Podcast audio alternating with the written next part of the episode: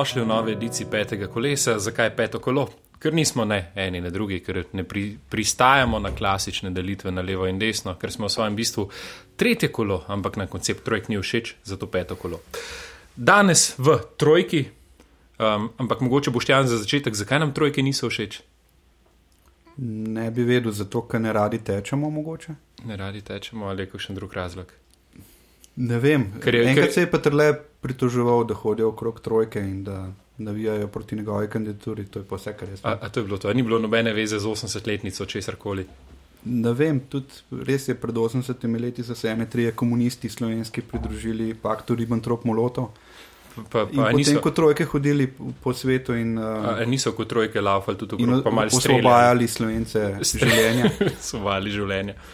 Ok, no, predno, um, predno pa začnemo z našimi današnjimi temami in tem predgovorom, ožbe, kaj pijemo danes.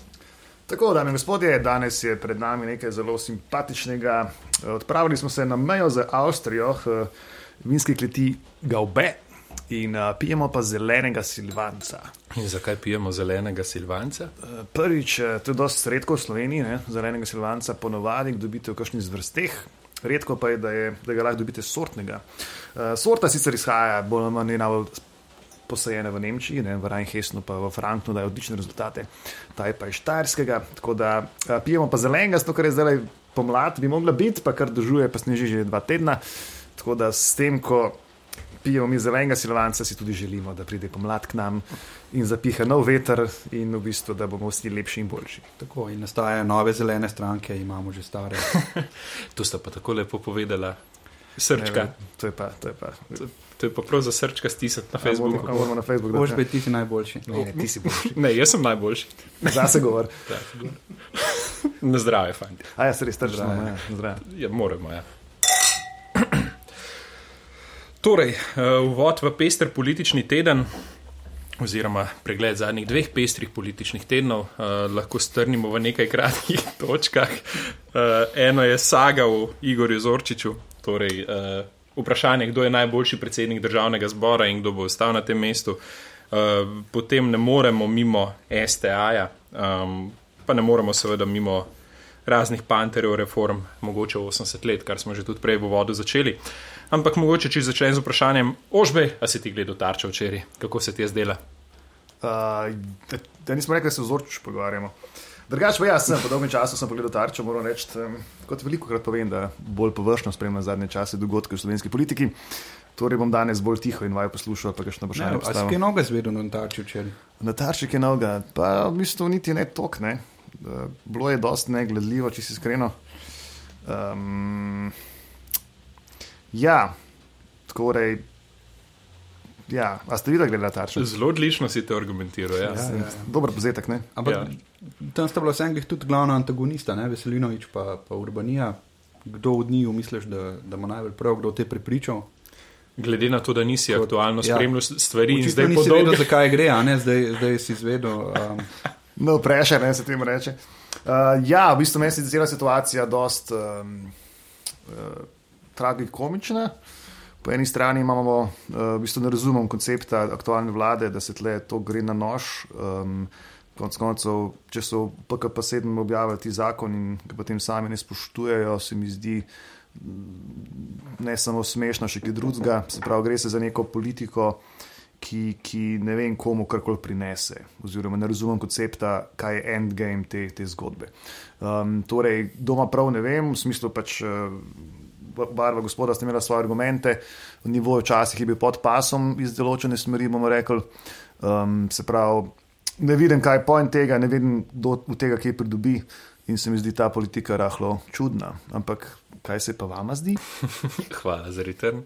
Boštjan? mislim, da bo to veljalo, ker za večino nas ostalih ne vidimo poante, zakaj se treba tako bockati. Po drugi strani mene pa tudi mečkan motijo, pa skrbi to, da je ta vlada um, nesposobna same svoje zakone, ki jih je sama um, sprejela, izvajati. Se pravi, če je vlada sprejela zakon, ki daje, uh, omogoča financiranje STA-ja, zakaj potem tega ne izvaja? Ne? Ne, se je mogoče tukaj drugo vprašanje. Če so, se oni, če so se na vladi odločili, da bodo dejansko skušali narediti STA bolj transparenten in, in s temi zapleti, ki smo jih mogoče spremljali na začetku in ne oddajo finančnih poročil in, in ping-pongom med uh, Veselinovičem in Urbanijo, uh, zakaj potem ne ustraješ pri tem, zakaj ne sprožiš nekih postopkov pred pristojnimi sodišči ali pa pred pristojnimi organi, ampak gre sprejeti zakon, kjer si praktično vs napor, ki si ga skušal v to uložiti, če gledamo zdaj zelo pozitivno in ne govorimo o nagajanju, zakaj si ga potem čez noč praktično podreš. In zdaj za nazaj retroaktivno spreminjati ali pa postavljati neke nove pogoje, boš izgubljal na celi črti. In jaz delim dejansko to mnenje z vama. Uh, jaz tukaj ne vidim nekega končnega recepta, oziroma vidim bolj, bolj situacijo, da na srednji rok že sta obe strani poraženi. Ne? Po eni strani smo lahko prišli do spoznanja, da STA brez državnega denarja ne more preživeti in je treba to financiranje na nek način urediti, kakorkoli pa želimo, in je mogoče to dogajanje, STA je tudi dobro, dobro izhodišče, da se lahko začnemo pogovarjati vem, o idejah, da magar eh, odkupijo svoj delež noter v lasniški strukturi, veliki mediji ali pa kdorkoli, ki so pač največji odjemalci teh storitev. Po drugi strani pa seveda spet ta klasična, ali lahko katerakoli vlada v Sloveniji normalno deluje ali pa karkoli sploh spelje, če nima podpore nekih mainstream medijev oziroma če nima teh mainstream medijev nastrojenih proti sebi. In se zapira v ta frame. In, mislim, in, no, to, mislim to to. da ni čist. Point vlade, da ima medije na svoji strani. Mediji, koncept medijev ni to, da morajo biti a priori. Nisem, rekel, ma, nisem tega rekel, da so provladni, ampak antivladni, ampak s tem načinom delovanja so pa vsi a priori antivladni. Ne? No, vse, ampak se pravi, da to ni namen vlade, da, da, ima, da ima support medijev, namen vlade je, da spremema zakonodajo, ki naj bi jo prej nekako uh, definirali na, na v bistvu volitvah v konsenzu z koalicijskimi strankami. Ne. In uh, mediji, pa tudi vloga, pač načeloma je fajn, da so watchdog, oziroma da so tisti kritično oko, ki po neki presoji ocenjuje, kaj je dobro, kaj je slabo in kaj je pač uh, sporno, oziroma kaj ni. Ja, in s tem torej, voljivcem tukaj... na štiri leta omogoča, da naredijo informirano odločitev, ko ga bodo obkrožili, ker se pač informirajo o teh zadevah. Ne? Ampak vse moj point je bil tukaj, če smo spremljali te proteste pred STA-jem, nedolgo nazaj smo lahko videli, da je bilo tam praktično večina novinarjev in STA-ja, in RTV-ja, in Pop TV-ja, za katere pa praktično vemo, da so to trije mediji, ki generirajo večino novic v Republiki Sloveniji. Ne? No, pa vendar le pač jaz. To, to, Moram te prekiniti, zato, ker prvič v zgodovini se strinjam z ožbojem, odkar ga poznam. Ne zdravje, fajn, ne zdravje, da ima to, to pa treba. Na ubijo zdravje. Um, ni stvar vladne in ni stvar politike, kaj in kako novinari in mediji delajo. Se, se s tem sploh nimajo nobenega razloga ukvarjati. Pa se tega nismo rekli. Uh, in, ja, ne, ravno to si ti rekel. Ne, v bistvu, da, da um, s tem, ko so uh, mediji tako zelo nasprotni. Ne, jaz sem rekel, vladi, da, da, da je pač to treba urejati na kakšen koli način. Ne, pač, ne, ne, ne, ne, ne. Jaz mislim, da je bala Erika, ker je poslušal človeka do konca nekaj povedati. Ne, ne, ne, jaz sem nekaj drugega rekel. Jaz sem rekel, da s tem načinom, uh, kakor so pro, pač probali urejati zdaj ta STA, ki so, ki, do katere ocene so prišli, da je pač izredno netransparentno delovanje in v resnici je bilo nekaj zelo netransparentnih pogodb tam noter, so se lotili zelo nesrečno reševati ta problem. Ne? Ravno in... zato, ker oni so šli iz predpostavke, da morajo urejati medijski prostor. Ja. Namesto da bi šli iz predpostavke, da um, upravljajo z državnim proračunom, in če s tem ni skrbno upravljeno, je treba pač temu ustrezno pravno postopati. No, se pa se vsi trije strinjamo, to je pač če bi se tega lotili na pravi način, bi, bi pač danes ne imeli te težave, Veselinovič pa ne bi imel več službe. Ne? Uh, mislim, so določeni pač institucije, ki so pristojni za to in naj se s tem oni ukvarjajo. To je nekako point. Ne? Uh, poleg, tega, poleg tega tudi se mi zdi, pač, mogoče izpostaviti, ker je tudi predsednik vlade nekaj tvitno, ne, da pač, uh, to, da ti obsodiš bivšega, mislim, aktualnega direktorja STA, da je, da je tako rekoč so storilec umora bivšega direktorja. Mislim, to, to ni več ne samo okusno, to je že to je malo tako, no, to je malo bolano, se mi zdi. No. No, zdaj, odvisno od tega, koliko bolana so bila ravnanja tega človeka. V resnici ne, se pa strinjam, da, da v bistvu na ta način se zlorablja tudi to domnevno žrtev tega dejanja, spravo gospoda Meškota. Ne. Ampak ni mogoče po drugi strani bolj zanimivo. STA ima tudi nadzornike, ki jih imenuje vlada, oziroma ne vem, ali so potrjevani v parlamentu, zdaj natančno ne vem. Ampak kako teh štirih ljudi ne moreš zamenjati? Se ravno to sem poskušal povedati. Tudi če veš, da, da STA krši zakonodajo, da se tam neskrbno ravna z denarjem, uh, imamo pač pristojne institucije, ki bi mogle to nadzirati in uh, kaznovati. ne. Uh, predvsem pa seveda vsak, ki je lastnik, ima pravico upravljati svojim premoženjem in v bistvu se s tem vlada neskrbno obnaša, ker dopušča, da ostaja na vrhu STA-ja uh, ista uprava, uh, isti ljudje um, in obenem vidijo v, v, v tem ping-pongu, ki ga izvaja, samo uh, neko hranjenje svoje, kaj jaz vem česa, očitno svojega trdnega volilnega telesa ali pa ne vem. No, se, to se mi zdi, če gremo eno korak, en korak naprej iz te debate, ki se ne verjetno strinjamo. To je, um, torej, uh, Če smo prej ugotovili, da se vsi strinjamo, da je. uh, se pravi, uh, čakaj, sem pozabil. Um, ne, to, no, kakšna je pač ta strategija v odnosu do STA iz vladne strani? Ne? Ali je res tako, rekel, prefrigano, naporna, da se s tem utrjuje samo pač to kor jedro, se pravi, um, se pravi SDS-a, ali vidi- vidiš tle kakšno drugo zgodbo um, v smislu. Ker jaz ne vem, kaj to res pripomore k, k konc koncev javnemu mnenju o vladi, uh, z odnosom do tujine in še kaj tako drugega. Torej, kaj, kaj je poanta tega, kar pričakuje, da je predsednik vlade, ki je pač v, v, v politiki 35 let, um, dvom, da je to naiven, da to po nesreč počne. Ne? In če to počne za nalašč, kaj je point? Jaz mislim, da so stvari mnogo bolj preproste. ne. Kolikor sem govoril s parimi ljudmi, zdaj le v teh dneh, tudi glede te situacije STA in uh, kolikor sem jih opisoval, v bistvu oba profila, obeh glavnih protagonistov, uh, so nekateri enostavno povlekli zaključek v to smer, da se ta dva človeka že več kot deset let ne morata prenašati, ne, zaradi takršnih in drugačnih razlogov, in da je v bistvu glavni razlog za tem, da je to ta osnovni problem. In um, ker pač niso znali potem speljati teh postopkov, kakor bi jih pač mogli znati speljati, se je ta problem samo potenciral. Uh, pri vseh teh, pa bom rekel, to je mogoče po drugi strani, pa še celo slovenski si, uh, sindrom je pa ta, da namesto da bi rešil en problem ob kozarcu piva, si zmetel v obraz vse, kar te teži in, in potem šel objet domov. Uh, enostavno je lažje narediti to, da, da greš v javnost, odigraš vlogo žrtve in, in potem se pa z, z, zavrtimo v tem začaranem krogu. In jaz to ocenjujem, da je točno to, kar se sedaj dogaja, je točno to. Začarani krog, ki sta ga začela dva ega, ki se enostavno nista mogla vse za isto mizo in pogovoriti. In, in jaz, bi tukaj, jaz tukaj nobenega drugega masterplana ne vidim. Seveda potem vse, kar se pa sproti dogaja, oziroma kar se pa dogaja v postprodukciji, je pa klasično nagovarjanje, klasična polarizacija potem ljudi, ampak to je bolj posledica kot, kot samo vzrok dejanja. Tako se mi zdi, da recimo na kakšnih drugih področjih ne, je, je recimo, deluje predsednik vlade malo bolj zrelo in odraslo. Ne. Če se spomnite tistega famoznega sestanka leta 2006 eh, glede prevzema dela in to. Ne. Potem, ko 15 let kasneje rečemo, ne, se pravi, se ne gre več prevzema dela, ampak se naredi pač eh, š, eh, biznis z lastnikom dela in se ti s tem določene stvari očitno tudi so ti prikrajšane, kot je ta famozna afera z, z članom Markeša, ki ga potem seveda ne objavijo, ter ga potem nekako deset dni kasneje objavijo na, na internetu. ker Sama, v ti, bistvu de, s tem- ti s dejansko tem misliš, lahko- da se lahko premijer ukvarja z vsako stvarjo posebej. Ne, sploh ne govorim, da se premestim ukvarja. Nisem V tega primeru rekel. tega primera, ja, skoraj bi verjel. Ne vem, to je, to je samo taka misel, ko sem jo utrnila. ne. Vsekakor Ne, pa, ne, pa, pa premijer mora na nek način dopuščati temo, ki, s katero se ukvarja velik del javnosti že par mesecev. a Ne. To vseglih ne gre za nekaj zelo minornega, Verjetno res, ja. lokalnega. Mislim, ne, govorim tle v smislu konceptov svobode novinarstva in, in, in tega, ne, da ali lahko pač, mislim, lahko, očitno lahko lastnik s tem se odloča, ampak če tle govorimo o delu oziroma o sobotni prilogi, se pravi recimo najbolj um, uglednem dnevniku in konc koncev verjetno tudi najbolj uglednem tedniku oziroma prilogi. Ti, ti zdaj zamenjuješ dv- dva pojma. ne. Um, ti, zavarjuje, ti v bistvu zamenjuješ medije, ki so v privatni lasti.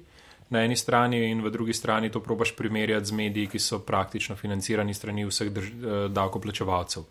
Uh, STA financiramo vsi državljani, RTV financiramo vsi državljani, dela pa ne. In zaradi tega je pač, glej, medijska svoboda, uredniška svoboda, ja in ne, ampak ima vseeno verjetno tisti, ki je lastnik, mal večji vpliv, vse kar se privatnih medijev tiče. da je obi poskušal dati drugo poanto. Da, da No, pa se- sem pa na robe da zastopal. se je predsednik vlade sposoben tudi, ali pa se je tako začel, da se je sposoben tudi uh, bolj pragmatično obnašati, ne pa pač tako, ja, to je bil tako point, da- nenavadno, kot se kaže. Da pri 2.6 STA. 2.6 Se pravi, 2006 je bil del, uh, mislim, je bil pač point, da se gre prevzemati delo, ne, ki ni uspel. Zdaj pa se pač ne gre prevzemati dela per se, ampak se v bistvu se zmeniš z največjim lastnikom dela.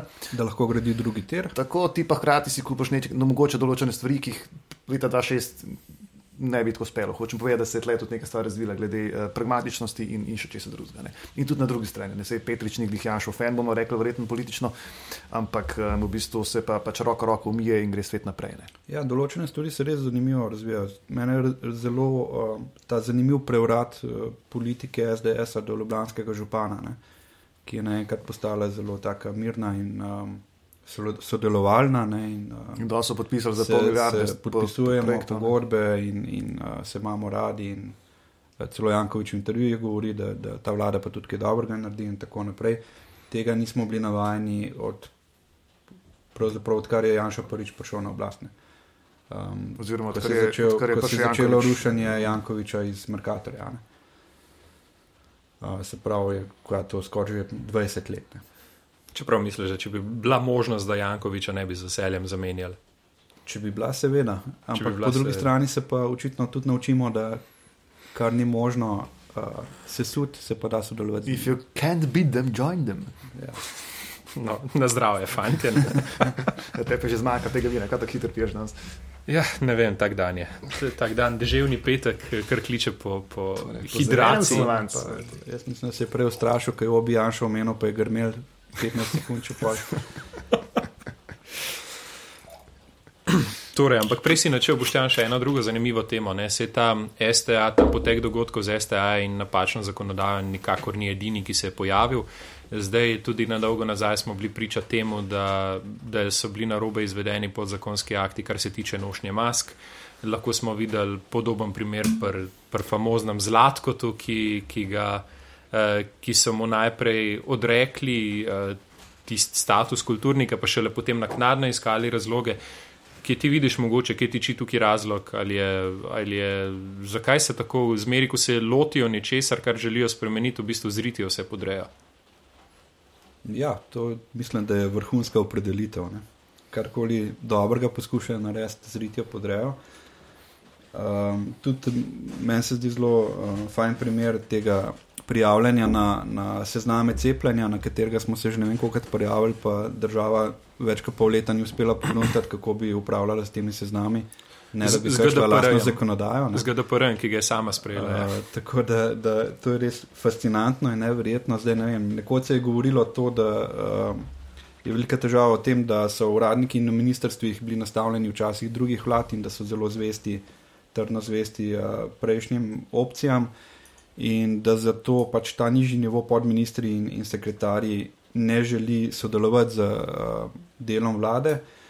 Ne vem, ali to res drži, ali to ima kakšen vpliv, ali ga nima, ali gre čist preprosto za preveliko zaletavost določenih akterjev, pa pač tako, kot smo rekli, zritijo podrejo, kar poskušajo, mogoče tudi dobrega narediti. Kva vi domislite? Ja, jaz sem svoje že povedal, Ožbej, Ožbej eh, odkimuje tukaj in se bo pustil jaz, ne- mislim, tako da sem. Ožbej ne misli. Ne? Možbe ne misli. No, No, po ampak- drugi strani, a ni zanimivo, da, da, je to, Dober, to je dober za punk. da je ta vlada v cajtu tako hude epidemije, ki je cel svet še ni doživel, vsaj ne zadnjih sto let, uh, pripravlja zelo konkretne davčne reforme, naprimer, a ne. česar se deset let prej nobena vlada ni lotila. a ne. Uh, No, no, se ampak- pravi, očitno ne gre, ho, hočem povedati, ne gre za popolno nesposobnost ali pa ne željo po, po uh, narediti kaj prav, uh, ampak za ne, ne, meni čist nerazumljivo nerodnost. Torej, ne veščost politike po korakih. To je mogoče, ampak ko smo že pri davkih, ko sem ravno omenil davke. Uh, torej, tudi peto kolo se mora od nečesa ne financirati, zato ožbe, kdo danes naši sponzorji niso. Dame in gospodje, danes naši sponzorji niso. V vladi ne bomo, v opoziciji pa tudi ne. LMŠ Puškov Koruzo 2.0 DO. Naš sponzor ni sta. Ti si lepši, ne ti si lepši, ne ti si lepši. Žigi in Boris, ljubezen na Facebooku DO. Naš sponzor tudi ni. Če želite biti naš ne sponzor, pošljite SMS sporočilo peto kolo nič na 1919. Za vašo nepodporo se vam iskreno ne zahvaljujemo. Peto kolo. In naš sponzor tudi ni, uh, pa se hrana in ostali pripomočki. Hoj, skos, skos, skos, skos, skos! SP. Torej, tukaj je bil dejansko sponzor Tilen Artač, ki mu je ožbe ukradel Finto, tako da hvala Tilen. no, če nadaljujemo s temo, uh, Boštjan, načel si reforme. Um, priča bomo tudi mini davčni reformi, ki naj bi vzpostavila v, v parih letih socialno kapico, sed, in, socialno kapico in tudi dvignila splošno davčno olajšavo na 7500 evrov. Uh, ampak ja, kje smo danes, kaj, kaj še ti pogrešaš, mogoče, kaj so stvari, ki bi, ki bi bile dobre, dobro speljati za naprej. In kako ocenjuješ v bistvu ta napredek? Preden ne pustimo Frlana, da odgovori, se mi zdi, da bi rad pohvalil včerajšnji nastop eh, finančnega ministra v odmevih. Tudi to sem pogledal včeraj. Kdo je finančni minister? Gospod eh, Bajuk. Ja, ja, ta, ta, ja. Da, ja. In uh, pač je bilo ful dobro, ker po dolgem času um, so v bistvu. Uh, Je izpadlo normalno, brez enih hudih problemov. Pač debata, Brgant je bil pač korektno novinarski oziroma profesionalen, uh, šircele svoje povedo in v bistvu je bilo dejansko pač, uh, tako kot norm, neka totalna normalnost, ki smo že malo pozabili, se mi zdi, da obstaja včasih v tej naši slovenski prostoru. To so hod vedeti, zdaj pa lahko ne vnuješ. Hvala, to je bila ekonomska analiza diplomiranega ekonoma. um, Misliš, ekonomista? Vse res. Um, ker tudi za ekonoma ni dober. Namreč. Uh, v glavnem, dokler je ja, dober za ekonomiste, uh, marsikaj, marsikaj še fali. Uh, tudi te reforme, ampak uh, se mi zdi, da če bi to šlo slučajno skozi vsa parlamentarna sita in bilo dejansko uzakonjeno, uh, bi v bistvu doživel največjo reformo od, od Zujfa naprej. Uh, pa Zujf je bilo neko uh, krpanje, krpanje na hitro. Uh, se pravi, v smislu, reformnem smislu je, bi bile to največje reforme po prvi Janševi vladi, se pravi, kar neko dolgo obdobje. Uh, Uh, in, znotraj, znotraj davčnega vidika, verjetno. Pravi, znotraj davčnega vidika je bilo deloma je tudi da... mala reforma, mislim, reforma, sprememba zakonodaje je bila tudi pri, pri CRL in pri LMŠ, konc koncu. Ne? Ja, ampak uh, ni bilo bistvenih uh, sprememb. Tukaj je recimo ta dvig, uh, dvig uh, dohodninske lestvice oziroma um, splošne lešave. Splo, splošne lešave je kar zelo, zelo bistvena. Uh, Uh, prejšnje vlade so sicer pomembne reforme delale, ampak v tem smislu, da so bistveno dvigali um, minimalno plačo, s tem uničile na tisoče delovnih mest.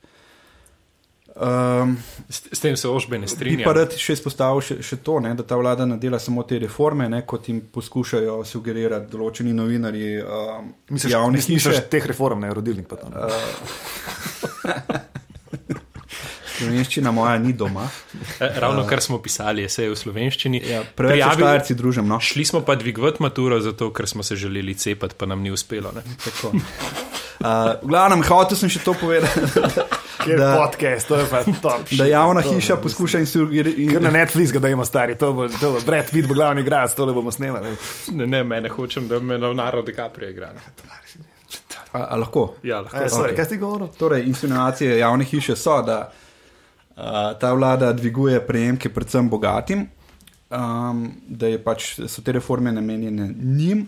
Uh, bi pa pozoril zato še dodatno k temu, da se je vlada lotila tudi debirokratizacije, kar bo sicer tudi bogatim pomagalo, ampak uh, že recimo to, da račun boš lahko uh, smel vzeti samo na podlagi tega, da ga boš zahteval, ne pa nujno, da bojo printali. Pa to je še za okolje. Za račune um, bo, bo recimo neka minimalna sprememba in še marsikaj.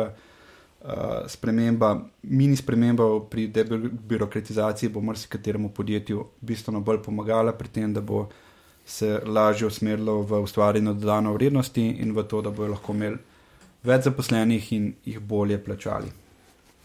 Poleg tega še nismo omenili, se mi zdi tudi um, tale um, strateški svet za digitalizacijo, ne, ki je tudi nek, neka novost v slovenskem prostoru. Um, koliko je 40 strokovnjakov, je noter? 30. Um, 30. Torej, um, ja, to je tudi nek, neka nova stvar, ki jo prej nismo imeli, ne? ki tudi nagazuje na neko bolj srednje dolgoročno. Čeprav se je kar nekaj teh strateških svetov zdaj naredilo, ne? zadnji je bil tudi za socialno politiko, ki ga bo vodila Romana Tom, če se ne motim. Uh -huh. Samo malo mal manj pompa je bilo okrog tega. Ne? Pač, no, torej, si hotel kaj povedati? Ja. Ne, to, kar pač, si ti povedal, ne, da, da stvari se kakšne tudi dogajajo, kljub temu, da da so krizni časi, da se v bistvu gleda tudi malo bolj naprej, kar je pač pozitivno. No, ne pozabi, da je tudi zelo veliko denarja v igri, ne, ki ga prej ni bilo. In ta denar moraš nekako porabiti. Si mogel vsako, vsako idealistično koncepcijo, ga, ga bala, ga moraš ventati. Ne, to je pa. Ne, pa se smo jih kar pohvalili, a ne, da vlada Ja, smo pohvalili, kljub, ja, kljub tej krizi. Pa pa je, gledaš, je ja, ja, pa saj tako, da lahko izpeljala, kanaliziramo, ne. Oziroma, njih še izpeljala, jih je vsaj pripravila, no, da jim tako rečeš. Ker pač verjel bom takrat, ko bom videl. a Ne. No, pa tudi to, da se sploh razmišlja in pogovarja o tem, je tudi že samo po sebi pozitivno. slovenske ne. razmere velik presežek. Mislim, ja, mogoče ne bi še to gledal, ampak se mi zdi dobro, no, da se to, se to dogaja. in Ja, če- ne vem, kje pa, v čem je pa Šarc ali pa Cera razmišljal. ne, No, on je, on je razmislil, da ne bi rad vladal, pa da zdaj ne bi bil rad v opoziciji, čeprav je dal s tem v bistvu večjo možnost, da, da koalicija na delovnih telesih brez problema spreme tisto, kar si zamisli. Ne? Ok, ampak zdaj se o vladi Ja, pogovarjamo, se o ne, vladi, ne ne. o ne vladi in ne opoziciji, očitno. Ne. A plačo bo posebno dobil Šarc, čeprav na parlament hodil. Ja, ne vem, to je, mogoče bo pa bolniško skoristil ali pa dopust. Ja, Ja. mogoče bo Mogoče pa... ima še lanskega. A, ja, mogoče. Zdaj do konca junija je treba porabiti. A ja, vidiš, to se upada s tem. Ne? Zdaj maja jih ne bo, ker je treba do junija porabiti ja. lanski dopust. Bo lahko Tonino pomagal bazen kopati. No, spet smo malo zašli, ko smo že pri, eh, pri bazenih in, in eh, nekdanjih predsednikih državnega zbora. Uh, še ena saga je, ki se vleče, ki, uh, ki ni bila uspešna v prvo in sicer to je saga o Igorju Zorčiču, uh, predsedniku državnega zbora.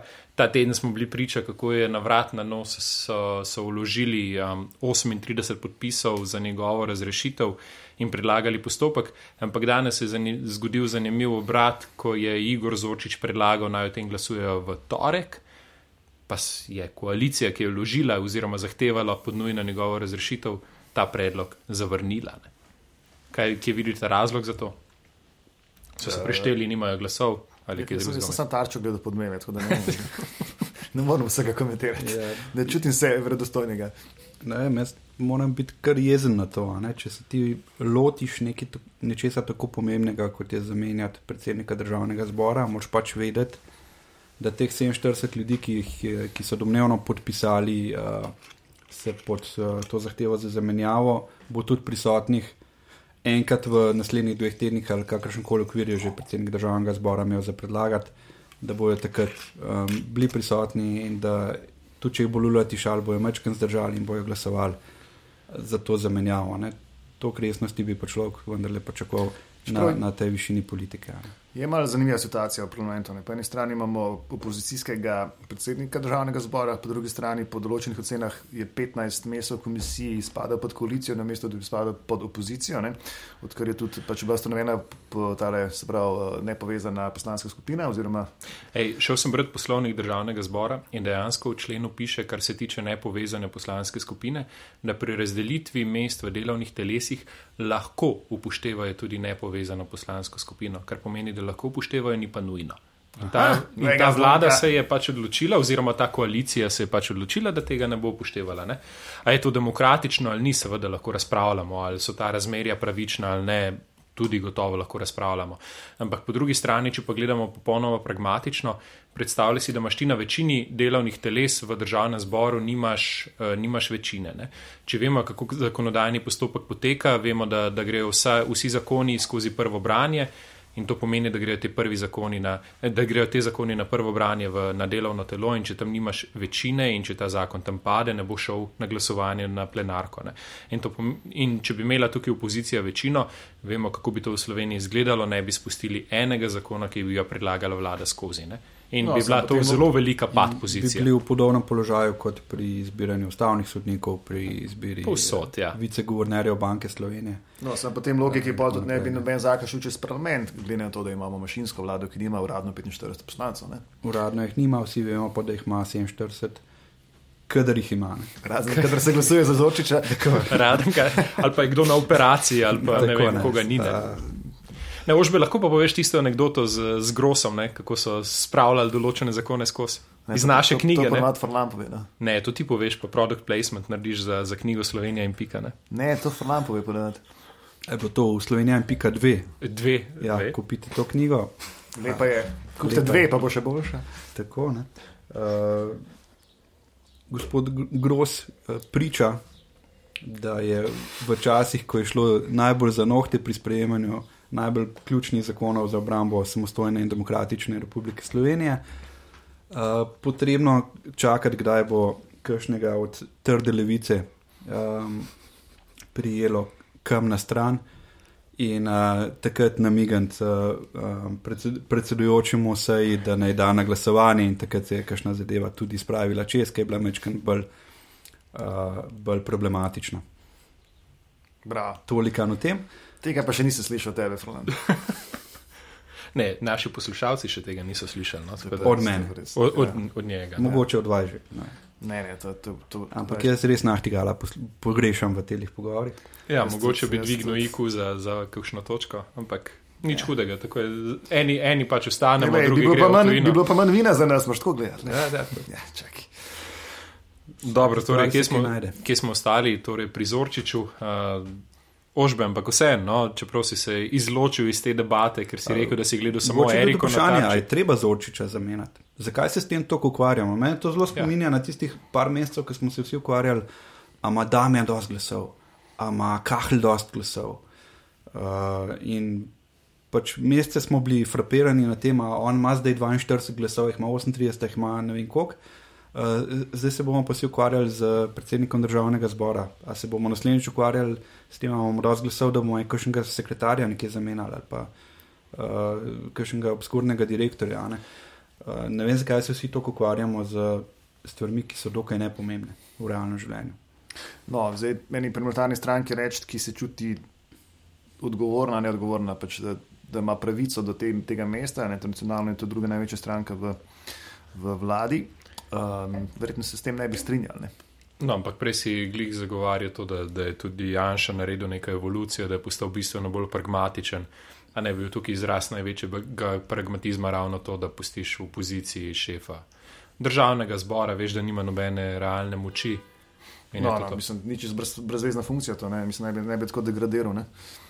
Ne, se jaz tudi ne, ampak zdaj v, v tekočih, v sprejemanju političnih odločitev dejansko kakšne večje vloge nima. Ne?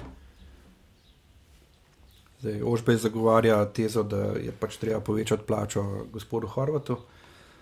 Uh, da je to Kaj so dovolj kar neki, kaj ne. kdo to pravi? Ja, pač zdaj le si plastično povedal, da Nova Slovenija zasluži to mesto. a Ne? Ne, nisem tega rekel. Rekel sem, da določenim strankam se mi zdi, to, da je to njihova pravica. Nisem glih pač to okay. Okay, rekel. pač Okay. povedal si, da se določenim strankam zdi pomembno, da se njegova plača poveča. Sunac, to je logično mišljenje. Mal smo zašli mogoče, ampak ja, eh, osnovno vprašanje je, treba Zorčiča zamenjati sploh. Pa ne zato, da bi se zdaj postavljali na eno ali pa drugo stran, vemo, kakšna je bila zgodovina tukaj, vemo, komu so ta mesta tra- tradicionalno pripadala, ampak a bi se kaj z njegovo zamenjavo de facto spremenilo. Ja, jaz mislim, da bi se na simbolni ravni nekaj zelo pomembnega. Pač predsednik državnega zbora, kljub vsemu, um, je bil med prvimi uh, cepljen, se pravi, je bil opredeljen za tistega, ki uh, je za obstoj te države lahko zelo pomemben, v primeru, da pride do kakšne, uh, kakšne uh, hude krize, vojne, karkoli tazga, ker nam pač uh, kakšne druge iz vrha pobere. Ne vem, kjer je, a je uh, tretji človek države potem takem, a ne? Tretji človek. Ja, Ja, je bolj pomemben od predsednika državnega sveta, bi človek predpostavil. ne. Drugi A, človek, veš. A drugi celo. Mislim, da celo tako. ne. Ja, se bi bilo, bi bilo tako razumeti, kar je Pač predsednik, ja, Ja. bizarno, da se moramo to vprašati, ampak fajn, da smo razčistili. Ja, lepo, da smo. Ja. super smo, joj, ti si boljši. Ne, ti Ne, si ti si boljši. boljši, Ne, ti si s- najboljši. srčen. Ne, ti si boljši. Glej. Ej, ampak kar grdo govorijo, nas nas dela močnejše. tako Ja, ko bi oni to vedeli, Ali pa zgaga. takoj odnehali. This, take, Tisti pa kar vtihante. this save will self-destruct in five seconds. V glavnem hočem to povedati, da na tej simbolni ravni je seveda pač zelo pomembno, kdo je predsednik državnega zbora in mislim, da uh, tudi v preteklosti je bilo izkazano, da je zelo pomembno, kdo je predsednik državnega zbora. Jaz mislim, da je bil najbolj ureden tega, um, te časti do zdaj uh, Matej Tonin, ki si je upal vedel, javno, javno omeniti Boga um, na tem mestu. Čakaj, čakaj, Uh, zdaj pa ne, jaz mislim, da boš reklamo, kakšno moje SLS sem naredil, ne, kaj, ne, kaj je s tabo. Kaj Ja, ne, jaz to zelo, zelo, ampak res zelo redko lahko kaj pozitivnega rečemo o Novi Sloveniji ali njenih politikih, zato takrat, ko lahko. Pa ti To si posebej. človek, a ni bil presečnik tudi predsednik države? Ne, on je bil VD, je bil A, pa. Jan Spodobnik zelo uspešen, uh, vse- vsi so mu priznali um, zelo odlično vodenje državnega zbora, ravno v, v času, ki je bilo to kar zelo problematično. No, si se vedel, da bo nekaj lepega SLS. Ja, ja, treba je. Ne, Ja, saj če tako. kaj grdja. No, se pravi, se lahko. No, še ena tema, mogoče čisto za zaključek naše debate. Panter. Kaj mislite o panterju? A bi Panter, mogli... panter je žival, ne drugače, ne vem, kaj zdaj mislim, a moram imeti mnenje o panterju. Ja, ne vem, nekaj na Twitterju, pa povsod po socialnih omrežjih se je kar sprožila. Ta zgražajo, celo zgodovinari so se javno oglasili, da to pa ne gre, da Panter pa Slovenijo nima in nikoli ni imel nobene zveze. In zato so vsi predlagali kranskega orla.